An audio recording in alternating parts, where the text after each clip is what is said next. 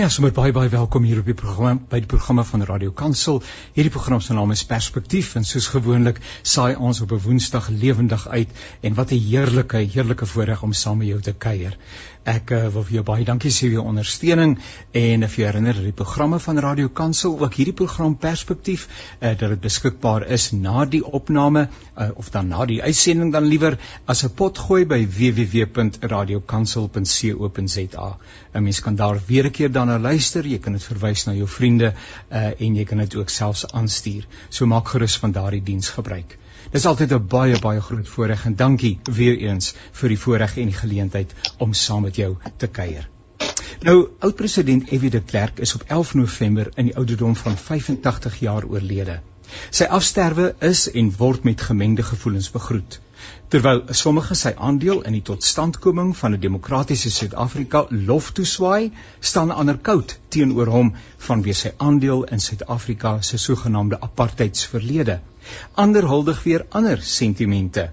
Hier om vandag 'n paar gedagtes oor sy nalatenskap te wissel. Uh verwelkom ek vir advokaat Leon Wessels. Kom ons begin daar. Leon, baie baie welkom. Dankie dat jy die tyd kon inruim. Baie dankie Janie. Leon sê ietsie van jouself, jou huidige konteks en waarmee jy jouself daagliks besig hou.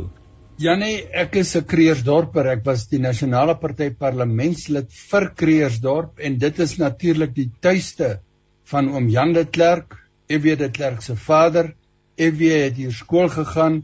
Sy broer Willem was hier predikant. So ek het hulle al drie as Kreersdorpers leer ken. Ek het die voorreg gehad om in EW se kabinet te dien en ek is tans betrokke by 'n verskeidenheid burgerlike organisasies wat uh onder andere uh, as regsadviseurs optree en ook uh dan streef om demokrasie te verinnig en te verdiep.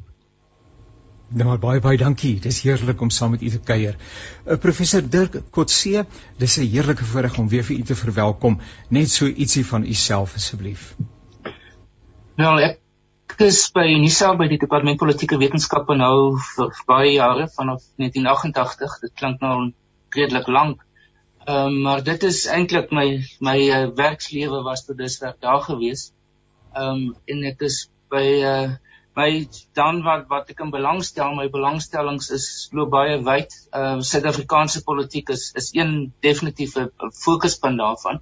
Ehm um, maar ek stel ook belang in aspekte van politieke konflikresolusie wat aansluit by baie aspekte van die Suid-Afrikaanse politiek, die die onderhandelingsproses van die middel 19 vroeë en middel 1990s, die regering van nasionale eenheid wat gevolg het, die grondwetlike onderhandelings, maar ook in ander aspekte daarvan. Um, ek was 'n bietjie betrokke by die Sudan en veral die kapasiteitsontwikkeling vir Suid-Sudan, die nuwe regering vanaf 2005 tot 2011.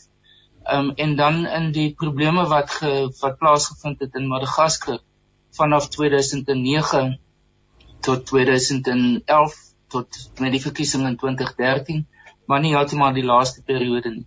Ehm um, so dis vir 'n paar aspekte wat wat nou my belangstelling getrek het boonbehalwe die Suid-Afrikaanse politiek wat nou natuurlik na met verlede week se verkiesing weer werk baie in ons voor in ons gedagtes gewees het. Baie baie dankie Dankie dat ons kan saamkuier. En dan meneer Gert van der Westhuizen, dankie uh, broer Gert, dis die eerste keer dat ons saamkuier en uh, is my voorreg vertel vir my bietjie en vir ons luisteraars 'n bietjie van die eie konteks. Dankie Janie, goeiemôre. Ja, ek gaan my doodskrik as jy my bedeer noem. ek, ek is nou al vir 31 jaar 'n joernalis. Ek het in 1990 by Beeld begin en ons het baie van daai gebeure tussen 1990 en 1994 gedek en daarna het ek maar verskeie paaie by die koerant gevolg en ek was onder meer 13 jaar sportredakteur, maar nou sit ek weer terug by die nuus. Ek is die meningsredakteur vir Net, Netwerk 24 op die oomblik en ek het onlangs weer teruggetrek Pretoria toe. So ek sit nou weer in Pretoria wat maar nog steeds van een van die mooiste stede in die land bly. Inderdaad met die Jacarandas is dit absoluut 'n pragtstad op die oomblik. Nou ons gesels oor oud president F.W. de Klerk wat in die onlangse verlede uh, afgesterf het. Miskien kan ons begin en professor Dirk, u kan vir ons inlei en die ander kollegas asseblief help vir ons as ons so 'n voelvlug neem oor sy lewe. Ehm um, as u vir ons so 'n bietjie van daardie uh, dingetjies kan inkleep. Prof Dirk, kan ons by u begin? Ja, my kennis van hom is nie persoonlik nie. Dis so ek uh, dit is wat ek nou sê is wat ek gehoor het van ander en gelees het en uh wat mense gesien het in die media en en ervaar het oor tyd. Um hy was 'n uh, uh, het begin as 'n student um en het gekwalifiseer in die regte by die Universiteit van Potchefstroom. Um daarna het hy 'n prokureur geword in in ek dink dit was 1962 in vereniging en hy was vir omtrent 10 jaar daar in in as prokureur gewees. Toe sy gekies as lid van die Volksraad van die Parlement vir vereniging en is na parlement toe vanaf 1972 en in 1978 het hy die eerste keer 'n minister geword en as 'n mens kyk na sy loopbaan as minister in die kabinet was hy in in ses verskillende portefeuilles gewees. Ehm um, dit het dit was wyd uiteenlopend van ehm um, uh, sport en ontspanning tot mineraal en energie sake tot uh, uiteindelik by die dit sy laaste pos was die van nasionale opvoeding en en ontwikkeling. Um, hy was nooit en ek dink dis in, dis belangrik vir die die gesprek wat die openbare gesprek wat plaasgevind het daarna is dat hy nooit betrokke was by die ministeries wat met die sekuriteitsaspekte te maak gehad het of die polisie of die weermag intelligensie en so aan was nie. So hy was sover soos ek my kennis trek wat meneer Wessels sal vir ons dit kan bevestig of nie.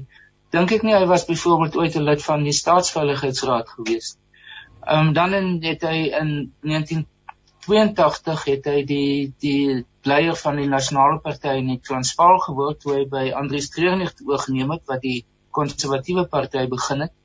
Um, en in 1989 het hy die nasionale leier van die van die nasionale party geword.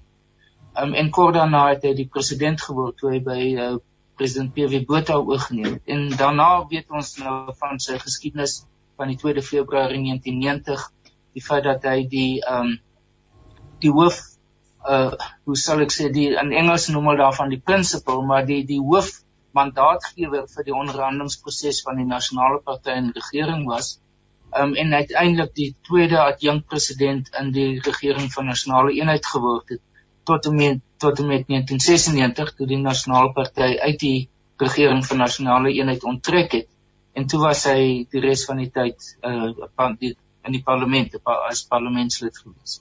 So dit is 'n breë trekke waar wat sy politieke loopbaan is, sover soos ek daarvan weet, maar daar's natuurlik ander mense wat baie meer van hom weet as ek.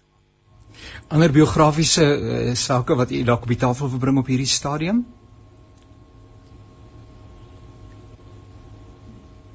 William nou uh, ja ja enige net biografies maar kom. ja wel my my uh, kortliks drie drie uh, blootstellings aan EB eerstens Ehm uh, EW as 'n agterbanker toe ek nie in die politiek was nie, was 'n indrukwekkende jong man. Gaaf, vriendelik, toeganklik wat uitgereik het na almal wat uh sy geselskap opgesoek het. Tweedens, toe ek 'n agterbanker in die parlement geword het, was hy 'n uh, 'n agterbanker in die kabinet.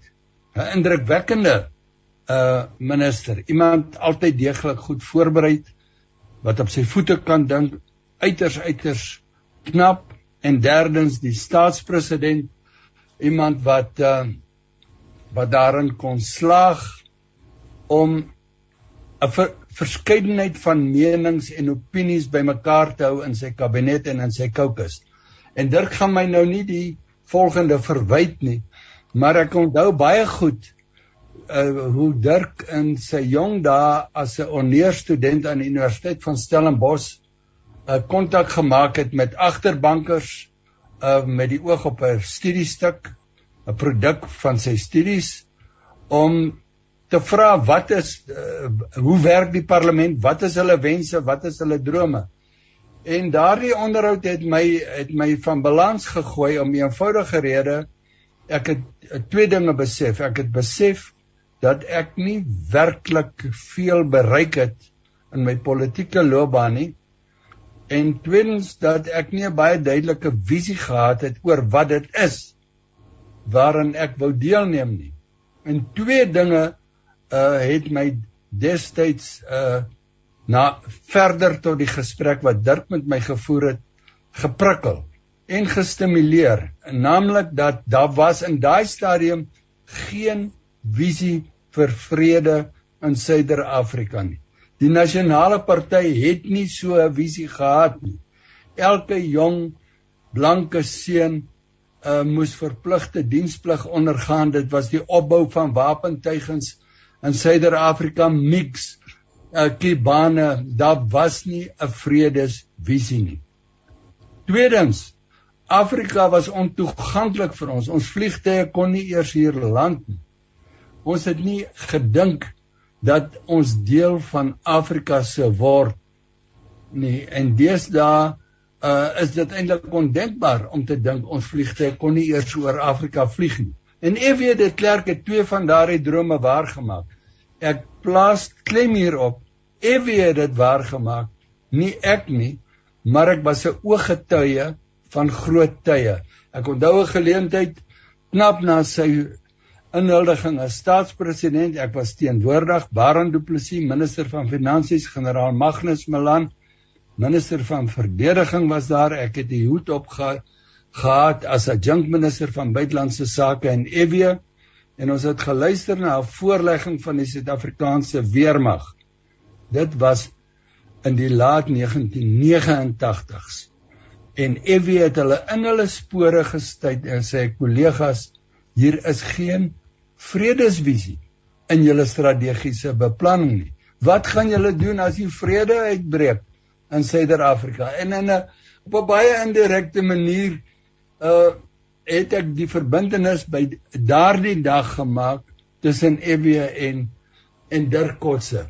En verder, vandag klim mense spog elke tweede ou hier om die hoek dat hulle uit Kilimanjaro uitgeklim. Ons vliegtuie kon nie eers in Kilimanjaro geklim het, klink uh, geland het nie.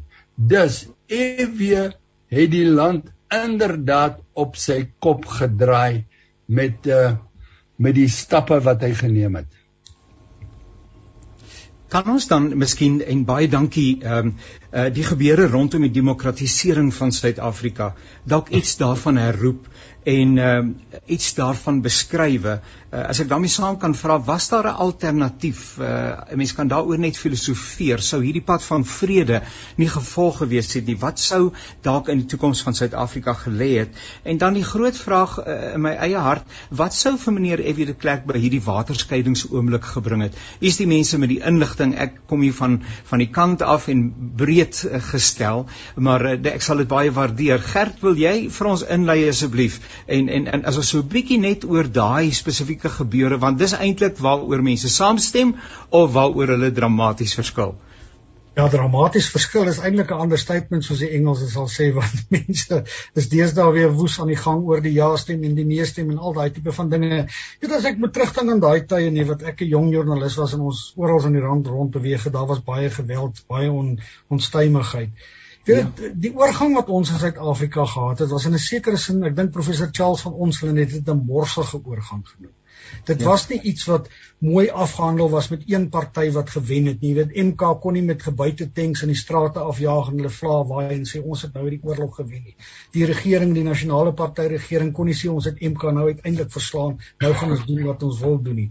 Weet jy, so, daar moes daar moes 'n kompromie bereik word. Nou dink dink baie van die uh, uh, dinge van die laaste week of wat wat na vore gekom het spruit eintlik daai daar is mense wat voel daar is nie na hulle gekyk nie. Hulle jy weet hulle is te nagekom. Baie van die mense wie se familielede byvoorbeeld in die laaste dae van apartheid vermoor is jy weet en ek dink hulle het 'n goeie punt daar Maar dit is baie belangrik dat meneer de Klerk het destyds net dink ek dit was 'n geweldige moeilike taak. Ek dink jy kon daai onderhandelingsproses self bepaal nie. Dinge het 'n loop van sy eie geneem.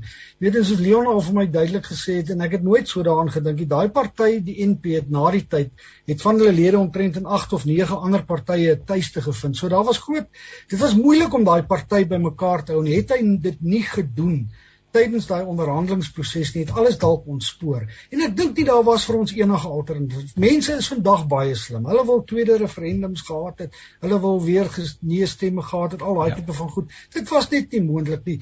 Dit was nie 'n perfekte proses nie, maar ek dink net nie ons het 'n keuse gehad. Jy weet ons moet ook ophou dink ek die verlede beoordeel volgens daar was net slegte mense en daar was net goeie mense. Dis hoekom ons die geskiedenis wat ek dink 'n baie edele professie is. Ek dink ons moet die geskiedenis net ook 'n bietjie kans gee. Die geskiedenis is gewoonlik baie rustiger as ons voor hy tot 'n besluit kom. Jy weet en ek dink ons moet ek dink ons moet oor ons verlede besin. Dis jammer dat ons die hele tyd ophou besin het oor die verlede. Daar's baie mense wat sê ons moes dalk aangegaan het met eh, gesprekke na die waarheids- en versoeningskommissie en miskien is dit een van die dinge wat ons in gebreke gebly het om te doen wat vir ons vandag dit dinge makliker sou gemaak het dink ek. Help vir ons asseblief uh, Leon. Ek ek ek wil uh, graag twee eiers lê uh, en en mense aanhaal. Uh, na 19 uh, na na 2010 het ek 'n uh, privaat gesprek met Chester Crocker gehad en ons het met toe met die voordeel van terugskouing gekyk na Suid-Afrika. Chet Crocker se opmerking bly my by. Hy sê 'n mens se keuses word beïnvloed deur jou opsies. Hy sê julle het baie minder opsies gehad as wat ons gedink het en as wat julle besef het. En ek hoor daarmee handel ek nou afdoende met die argument oor keuses en opsies. Die tweede ding is Chris Hane het vir my in 'n gesprek gesê ons wat MK is moet besef en ek vind hier aansluiting by Gert en uh, sy opmerkings oor van onseling. Ons in MK sê Hane moet besef dat ons het nie die rug van die Suid-Afrikaanse weermag gebreek nie. Maar julle moet besef dat julle nie die gees van bevryding in die townships gedenk nie. En dit is hoekom dit so 'n moeilike onderhandelingsfase is. Wat dit klerk se opmerkings aan betref jou vraag, wat het hom geprikkel? Uh en dit dit handel nou hier oor pragmatisme en moraliteit. Maar ek ek ek wil nie daardie debatte betree nie, maar wat ek dink Evia hard en duidelik verstaan het is dat die nasionale party was besig om 'n leuen te leef. Die leuen wat dokter Verwoerd geskep het dat in 1978 sal swart mense terugtrek na die tuislande toe. Dit het in 78 nie gebeur nie. En ons het net so aanhou ploeter ploeter ploeter en EW het verstaan dat ons moet 'n einde bring aan aan hierdie klugspel. Prof Dirk iets wat u wil byvoeg? Ja, ek dink die dimensie wat ek miskien kan aan verwys wat waarby ek nie self betrokke was nie, maar is die die verskillende prosesse wat vanaf die middel 1980s begin het. Uh dialoogprosesse, prosesse wat 'n uh, 'n uh, uh, soort van 'n voorbereidingsprosesse was, 'n uh, vertrouensbouprosesse om uiteindelik by die idee van onderhandelinge uit te kom. Uh dit het begin byvoorbeeld in die in die vroeë 19 in die middel 1980s met die uh die die feit dat die ANC in 'n uh, konstitusionele komitee saamgestel het. So hulle begin dink aan die idee van konstitusionalisme en 'n nuwe grondwet vir Suid-Afrika. Jack Simons was die voorsitter daarvan en let, later ander persone daarbey bygekom. Um hulle het uh, in 1987 'n verklaring uitgereik um die nasionale uitvoerende komitee van die ANC oor onderhandelinge dit was nie 'n noodwendige positiewe verklaring gewees om te sê ons wil begin onderhandel nie maar dit het die die die kwessie van onderhandelinge wat baie mense gedink het en ek dink die regering van toe dat die ANC in geen onder geen omstandighede dink aan onderhandelinge nie dat dit begin uh, meer brugbaar word dit het begin bekend word. Ek dink dit was die begin van 'n uh, om 'n saad te saai oor wat moet wat is nodig vir onderhandelingsprosesse om te begin plaasvind Saam daarmee was die gesprekke wat met uh, president Mandela in die tronk, uh, minister Kobie Kutse, uh, die generaal Willemse, Fanie van der Merwe en ander wat by daardie onderhandelings of gesprekke betrokke geraak het. Saam daarmee die IDASA byeenkomste. Die bekendste een is natuurlik die Dakar een wat die die die openbare gemoed begin aanspreek het oor om te sê onderhandelings onder geen omstandighede nie versus onderhandelings is 'n pragmatiese benadering um, tot tot 'n verandering in Suid-Afrika. Saam daarmee uiteindelik die gesprekke in in Brittanje met die Afrikaner of toe nog Broederbond uh, groeperings professor Willie Estreise en in in Switserland tussen uh Thabo Mbeki en, en Aziz Bahat en Joseph Flankla en ander met die nasionale intelligensie wat toe bestaan het onder uh, Neil Barnard. So daar was verskillende voorbereidingsfases dink ek wat nodig was en in baie gesprekke het tot het punte begin uitklaar tussen die ANC en en die regering en staan dan natuurlik die punt wat altyd gemaak word was die val van die Berlynse muur uiteindelik, né? Um en wat ek dink in ons geval 'n belangrike rol gespeel het ook saam met die val van die Berlynse muur was die feit dat die onafhanklikwording van Namibië in op 21 Maart 1990 was eintlik 'n voorganger vir die vir die proses in Suid-Afrika. Want die feit dat SWAPO aan bewind gekom het in Namibië en die land het nie in 'n revolusie verval nie, het ja. in 'n mate dink ek um vir die publiek in Suid-Afrika gesê wel dit wat ons altyd voor gevrees het is dalk nie wat gaan gebeur nie. So die die vertrouensbouing proses sowel as groter kennis van mekaar tussen die ANC en regeringslede en uh, intelligensiegroeperings. Dit dink ek alles het uiteindelik bygedra saam dan natuurlik met die kritiek vir al die buitelandse isolasie toe uh, ek dink hy was nog nie president gewees nie, nou Ewe de Klerk op sy buitelandse besoek was in Europa. Die reaksie wat hy gekry het van um, die minister van Brittanje, Margaret Thatcher en ander het basies vir hom gesê wel julle het nie 'n ander keuse nie. So ek dink dit is daar was 'n kulminasie van prosesse wat uiteindelik hom gebring het by die 2 Februarie 1990. Ehm um, maar nog steeds, hy moes die finale besluit neem daaroor. En ek dink dit is waar hy op die oomblik baie krediet voor kry as mens nou terugskouend is oor wat die wat wat sy politieke loopbaan en sy politieke lewe beteken het as ek so na u luister en die perspektiewe wat u bring, dan kry ek so in my eie hart vanuit 'n teologiese perspektief die gevoel dat dit die regte ding op die regte tyd was en dat die gees van die Here uh, oor 'n lang tydperk besig was om mense voor te berei uh, vir hierdie baie strategiese belangrike Kairos moment. Nietemin, uh, meneer de Klerk het kort voor sy afsterwe 'n video opgeneem wat sedertdien wyd versprei is. Uh, sommige, ek dink aan gespreksprogramme waarna ek geluister het op die radio, uh beleef die video uiters uiters negatief en ander is weer positief daaroor. Uh, waarom hierdie uiteenlopende belewennisse en die manier waarop mense soms sou oordeel is selfs krie. Uh, 'n Mens kan nie dink dat 'n mens so min respek het vir mense en vir families wat dan nou deur die dood geraak word nie kan ek 'n bietjie uh, u insette oor Gert uh, waaroor is die mense so omgekrap uh, en en aan die ander kant is daar tog waardering waar mense sê dis 'n egte 'n uh, egte mens wees uh, van meneer de Klerk waarin hy sy hart opnuut weer op die altaar geplaas het.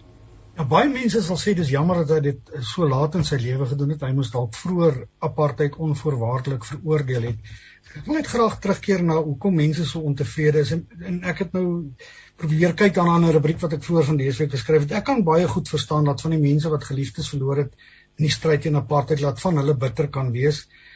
Dan het ons mense wat al van verlede jare af en ek noem hulle nou maar kom ek verwys nou maar na hulle as um, oorwegend wit regs is wat hulle plesier tentoongestel het op sosiale media toe hulle gehoor het eh, meneer de Klerk het longkanker wat hulle gesê het hy het sy verdiende loon gekry. Ja hy moet nou doodgaan en daar's nou selfs nou mense wat sê hulle is eintlik bly hy's dood en mag hy in die hel brand en al daai goeters hulle probeer hom nou veroordeel vir wat nou verkeerd is in die land Dit kon niemand tog voorsien het nie. Jy weet en hulle vergeet baie baie gou, soos Leon gesê het, ons het nie veel opsies gehad destyds nie. Jy weet ek dink verlede week het ons 30 jaar sedert die einde van sportisolasie gevier. Mense vergeet bitter gou hoe opgewonde ons destyds was toe ons weer internasionaal kon deelneem, toe ons weer kon ja. reis, toe ons weer ons spanne kon kon ondersteun. Mense was keelvol daarvoor. Mense was keelvol vir diensplig van ons het self diensplig gedoen. Jy weet, twee jaar diensplig gedoen en word jy opgesaal met kampe. Dit het net gelyk asof daar nie 'n einde gaan kom nie. Asof die siklus net aangaan en aangaan en aangaan.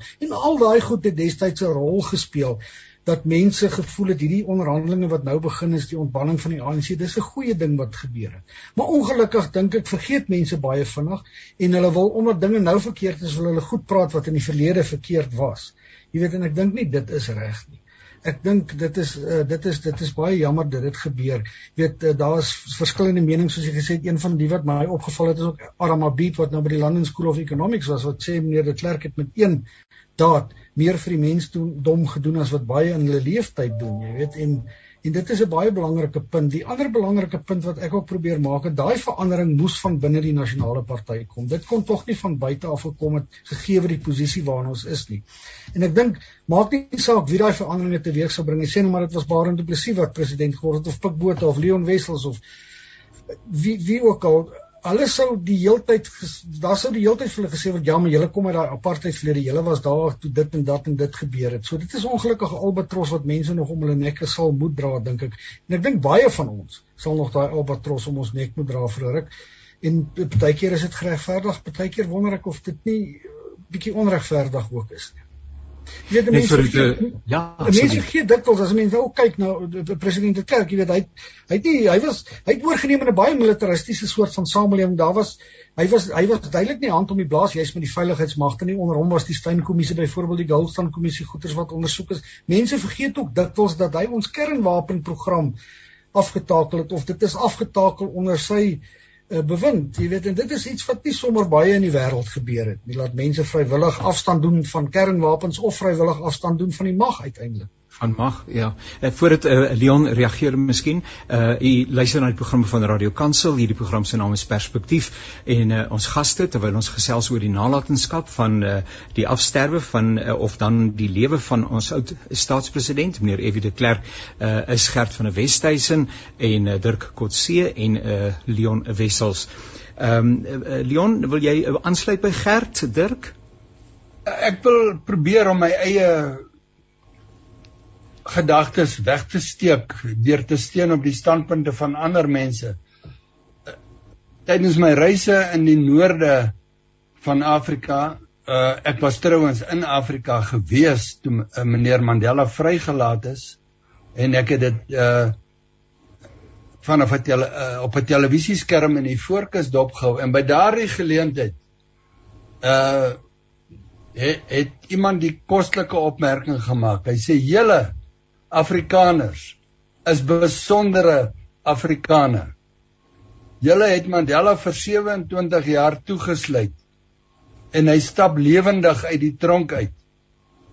En julle weet hy gaan teen julle politiek bedryf. En julle weet julle gaan verloor. En ten spyte daarvan ontvang julle hom soos wat julle hom ontvang.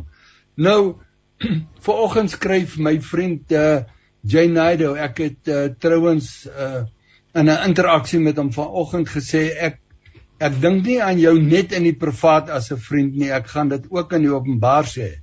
En ek het geweet ek gaan dit hier sê. My vriend Jay Naidoo skryf vanoggend. Dit is nie Mandela wat die land gedemokratiseer het nie. Dit is ook nie F.W. de Klerk wat die land gedemokratiseer het nie. Maar hulle was sleutel rolspelers en die woede wat ons nou beleef teenoor meneer de Klerk is omdat hy die simbool geword het van die onvervulde ideale eh, van die grondwet. En dan draai Jainado ons terug na korrupsie die Jacob Zuma jare en dis meer En dit sê vir my net een ding, hierdie is 'n komplekse land. My aksie, my interaksie met Jay sê ek vir Jay, dit beteken net een ding. Dit is nog nie tyd vir ons veterane om af te saam nie. Daar's nog werk wat wag. Inderdaad so.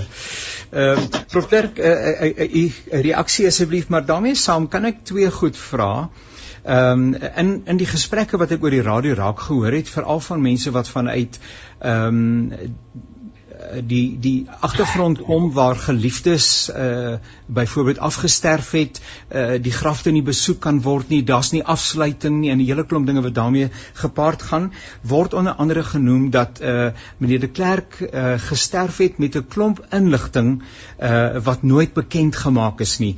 Uh daar is daar sake wat nie opgelos is nie en die sleutel tot die oplossing die lê by hom. En dan wil ek ook net aansluit by uh, aan die begin het u verwys na die verskillende portefeuilles wat meneer de Klerk beklee het. En ek het vanoggend ook uh soos Leon in die koerant raak rondgeblaai en 'n skrywe gesien uh waar daar gesê word dat meneer de Klerk nooit aktief deel was van die sogenaamde en hy help vir my met my onkunde staatsveiligheidsraad nie maar die kwessie het gereeld in die gesprekke uh voorgekom. Dan wil ek 'n mens jouself afvra maar is dit moontlik dat mense in so in isolasie met mekaar kan lewe en hulle portefeulje kan bedryf en veral iemand vanuit sy posisie uiteindelik as staatspresident van Suid-Afrika en nie kan weet wat aan die gebeur is op grondvlak nie. So ek trek sommer nou 'n klomp goeder saam en u moet vir my sommer die almal moet vir my help asseblief. Maar kon meneer de Klerk nie geweet het nie want dit is die dis die groot narratief aan die kant van mense wat nie vanuit 'n uh, uitverkoop uh basis gesels nie, maar mense wat vanuit verontregting met anderwoorde oor sy lewe praat. Ja, ek ek dink dis een van die groot redes vir hierdie ernstige kritiek wat daar op die oomblik teen hom is. Uh ek sou sê dis nie van 'n spesifieke ideologiese kant nie, hoewel dis meer mens kan sê meer van die linkerkant, maar dit is soms op 'n bloot op 'n menslike vlak. Ek meen vat byvoorbeeld die familie van Ahmed Timo wat uh die die persoon wat aangekla sou word is onlangs oorlede wat in die veiligheidspolisie was. So hulle vat na na moontlike inligting om uit te werk wat van hulle seun geword het. Ehm um, die is nou basies verlore. En ek dink wat in die geval van president de Klerk wat hom in 'n sekere sin in die spervuur geplaas het, is die feit dat hy die laaste president was.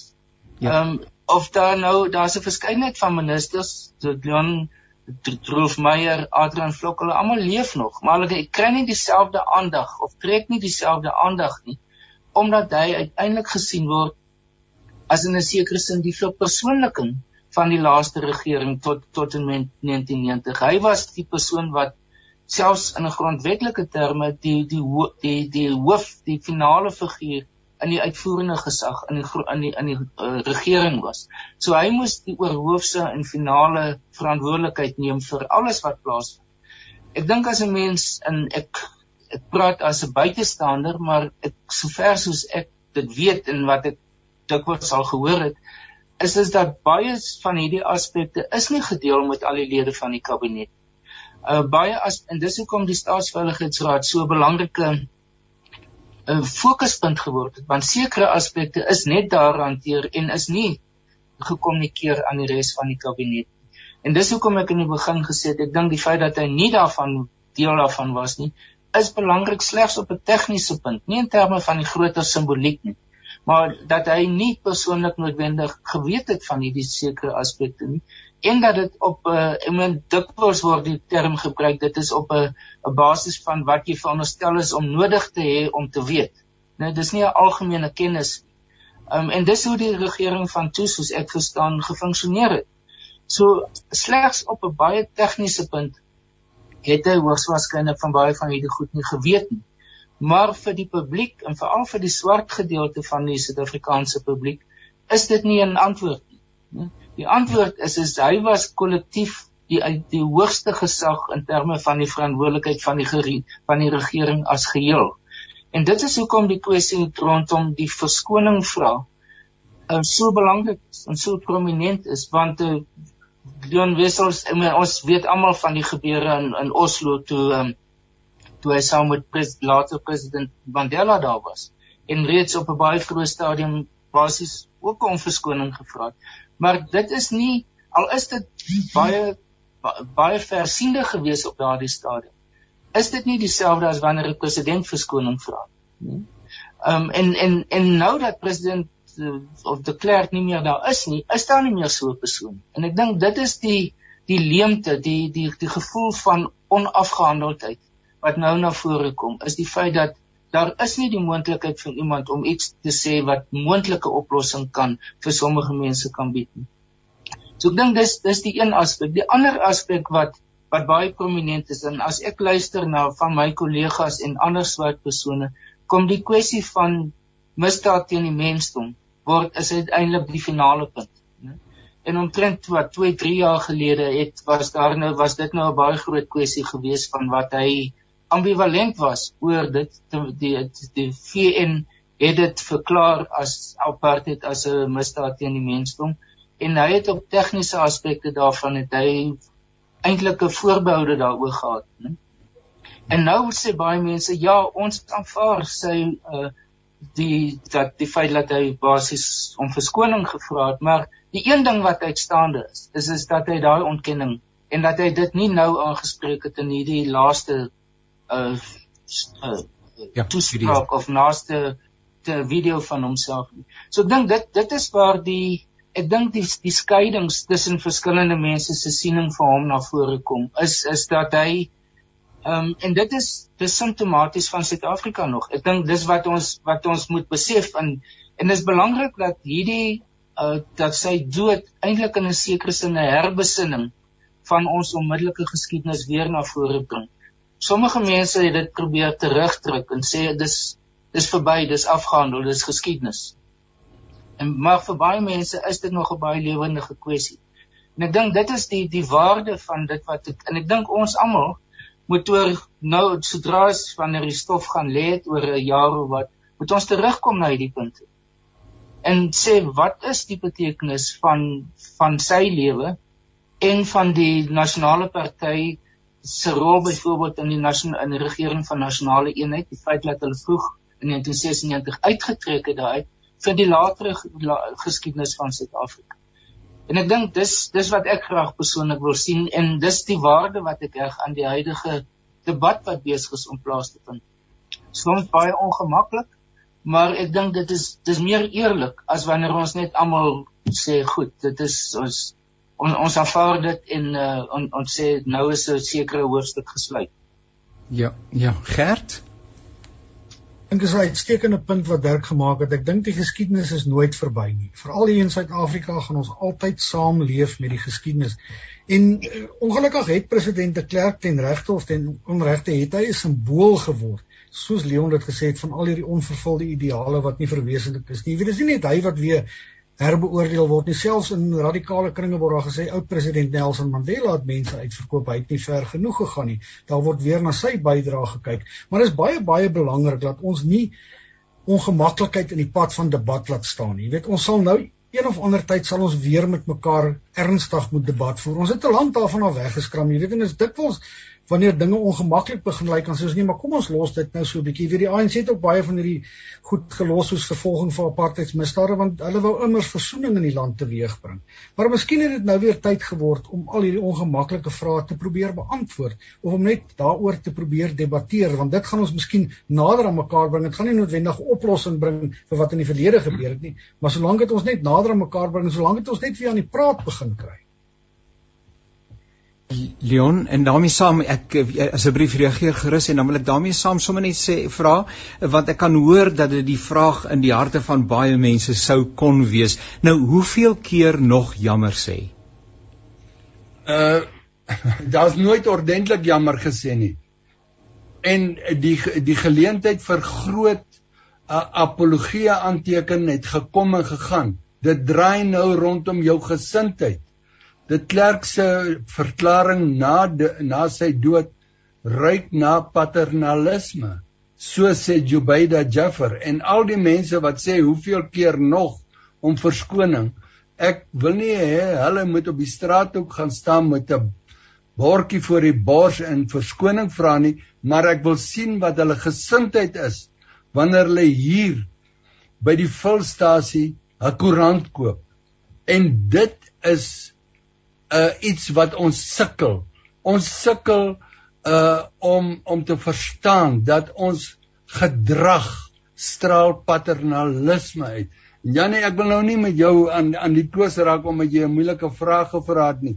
Maar as dit nou hard en duidelik uh verkondig moet word, dan is dit dat die Afrikaanse kerke het ons in hierdie pad van versoening versaak. F.W. de Klerk was die Afrikaanse kerke vooruit. En die Afrikaanse kerke het met voete van klei voor die WVK gestaan. Ek het onlangs by die moderator van Toentertyd, uh Dominee Vreek Swanepoel gepraat.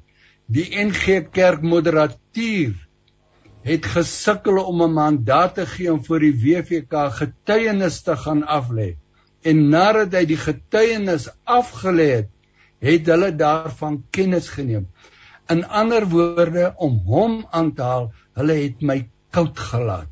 Hulle het nie gesê ek stem saam of ek verskil nie. So, die kwessie van apologie moet nou deur gedrag uh uitgeleef word. En en en dis 'n kort argument op 'n baie ingewikkelde saak en ek hou nie daarvan wanneer mense sê moet ons aanhou apologie aanteken nie. Hulle het nooit aanvanklik 'n apologie aangeteken nie.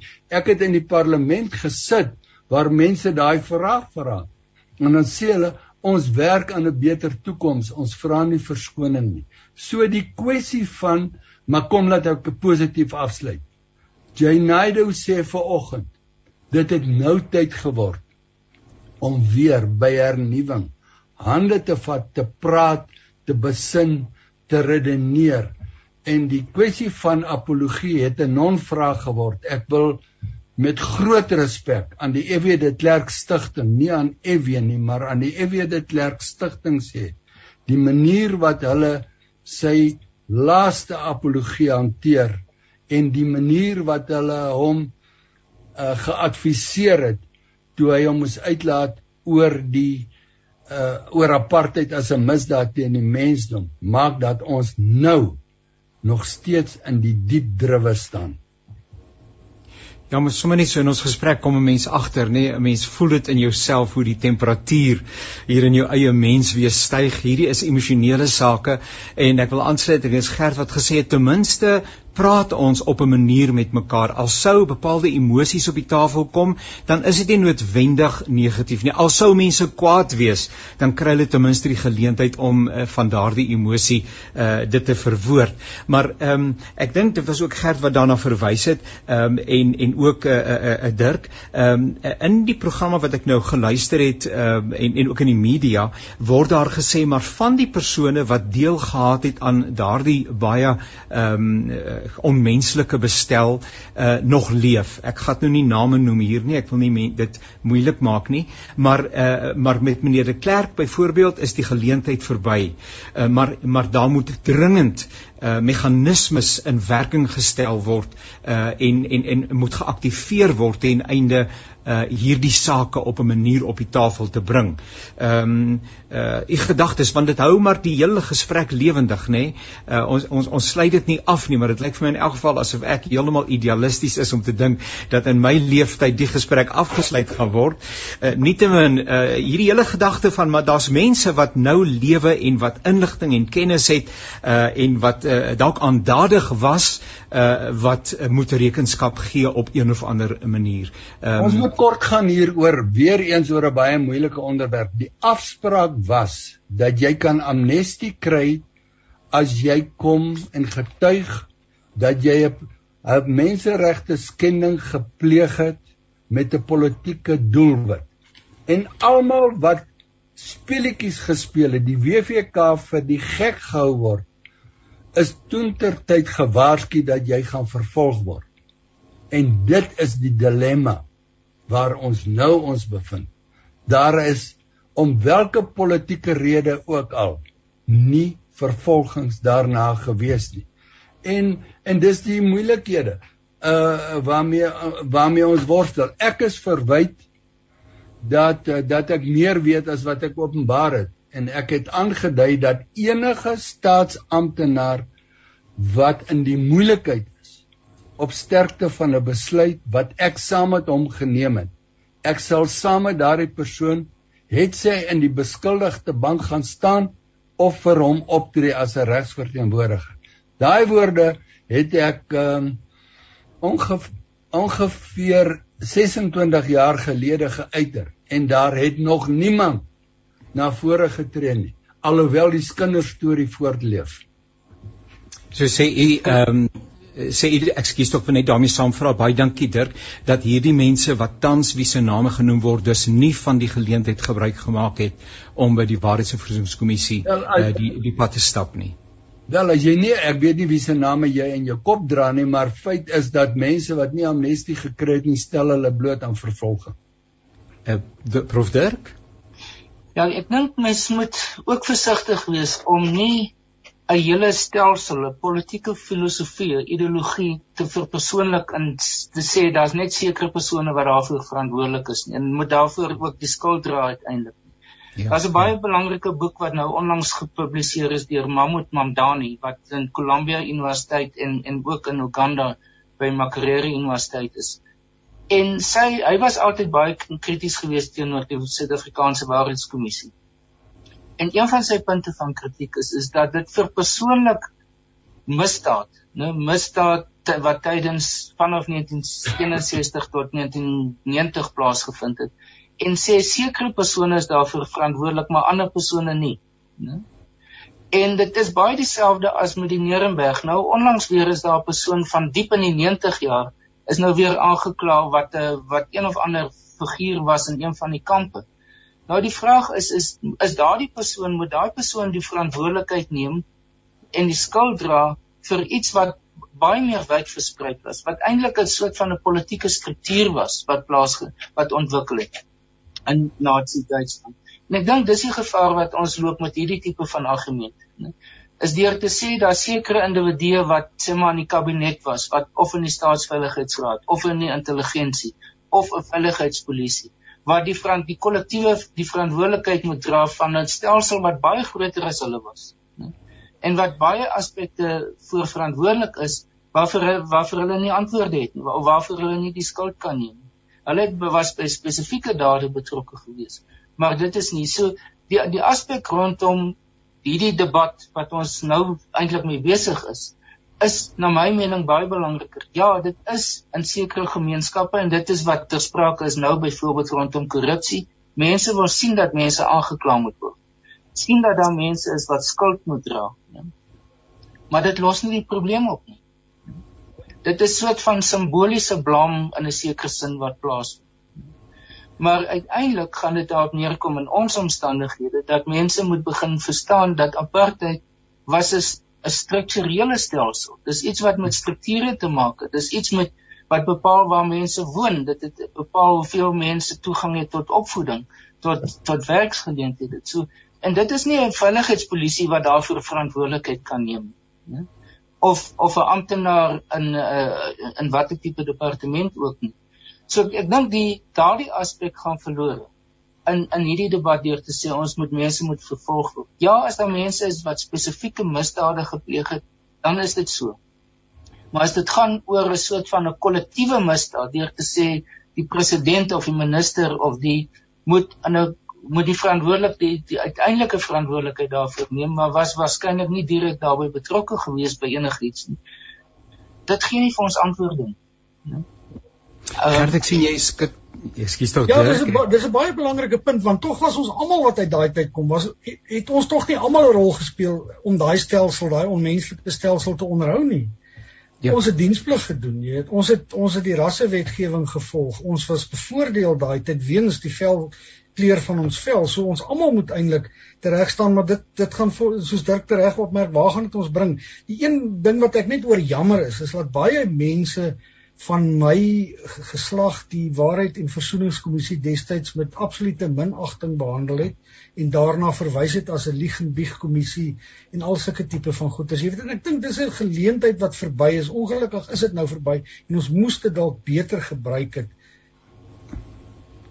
ons um, uiteindelik moet die hele Suid-Afrikaanse bevolking dalk in die beskuldigde bank staan. Dalk moet ons teenoor mekaar bely dat ons net mense is en dat ons die enorme vermoë het om mekaar verskriklik seer te maak. En dat ons almal die les moet raak. Dit is 'n teks wat die afgelope tyd so in my hart lewe.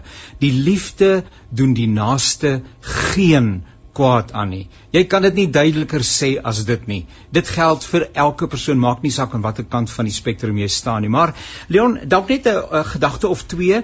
Ons kyk hier baie vinnig uit nou oor die reëlings. Uh gister toe ons die teks geskryf het en ons begin gesels het, was dinge nog nie ontwikkel nie. Intussen het ek verneem uh dat daar 'n uh, tydperk van rou afgekondig is, dat by 'n latere geleentheid uh daar ook van owerheidswee as dit ware iets uh beliggaam sal word rondom die afsterwe van meneer Evie de Klerk. Enigiets wat jy daar dit is vir die regering bitter moeilik om uh, iets te beliggaam wat uh, aan al die verwagtinge en vooroordeele en agterdog en dies meer gaan dit reg geskied.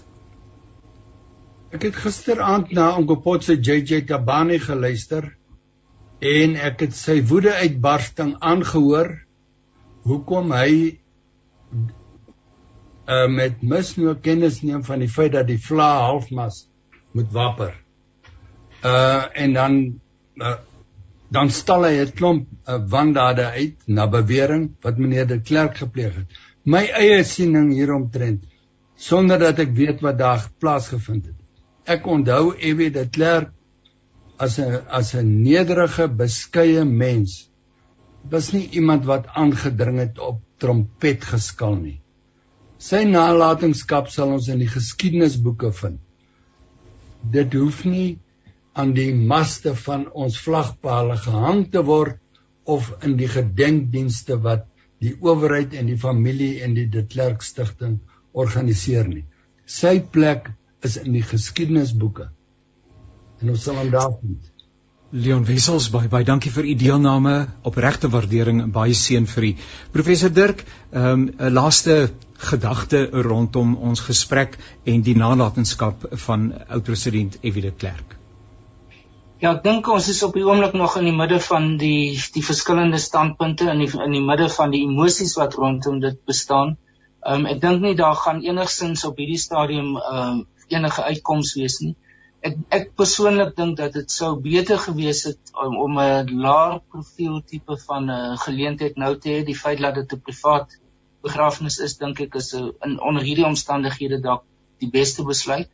Ehm um, die regering en veral die ANC leierskap is dink ek persoonlik op 'n persoonlike vlak 'n bietjie in in die spervuur. Ehm um, want hulle gee baie erkenning aan dit wat op 2 Februarie 1990 gebeur het. Hulle weet dit was die ontsluitingsmeganisme gewees vir hulle om uiteindelik te weet waar hulle vandag is en hulle gee krediet daarvoor. Maar die jonger mense en die mense meer van die wat uiteindelik uh, direk geraak is deur spesifieke insidente deur tydens die apartheidsperiode, hulle is die mense wat voel wel dit is dis dis onregverdig dat dit besig is om plaas te vind. Dis Suid-Afrika. Dis die Suid-Afrikaanse dinamika, dis die Suid-Afrikaanse samelewing, dis dis wat ons is. Ek dink wat belangrik is is dat dit nie ontplof het in een of ander vorm van konflik nie, maar dat daar 'n debat en 'n dialoog besig is om plaas te vind. Al is dit baie intens. Maar het, dit is een van die verlengstukke van dit wat in die 1990s plaasgevind het en waarmee ons steeds besig is, is om hierdie tipe van regtig moeilike sake om in die vorm van gesprek en dialoog uh, uiteindelik te probeer uitsorteer vir mekaar. Terkotse baie baie dankie vir u deelname, waardeer en uh, Gert, jy het letterlik 30 sekondes om ietsie te sê. Ons program is besig om uit te speel. Ja nee, die geskiedenis gaan inderdaad die laaste woord spreek. Al wat ek nou kan sê, ons kan eintlik maar net dankie sê dat ons wel 2 Februarie 1990 gehad het. Anders was ons dalk nie waar ons nou is nie meer.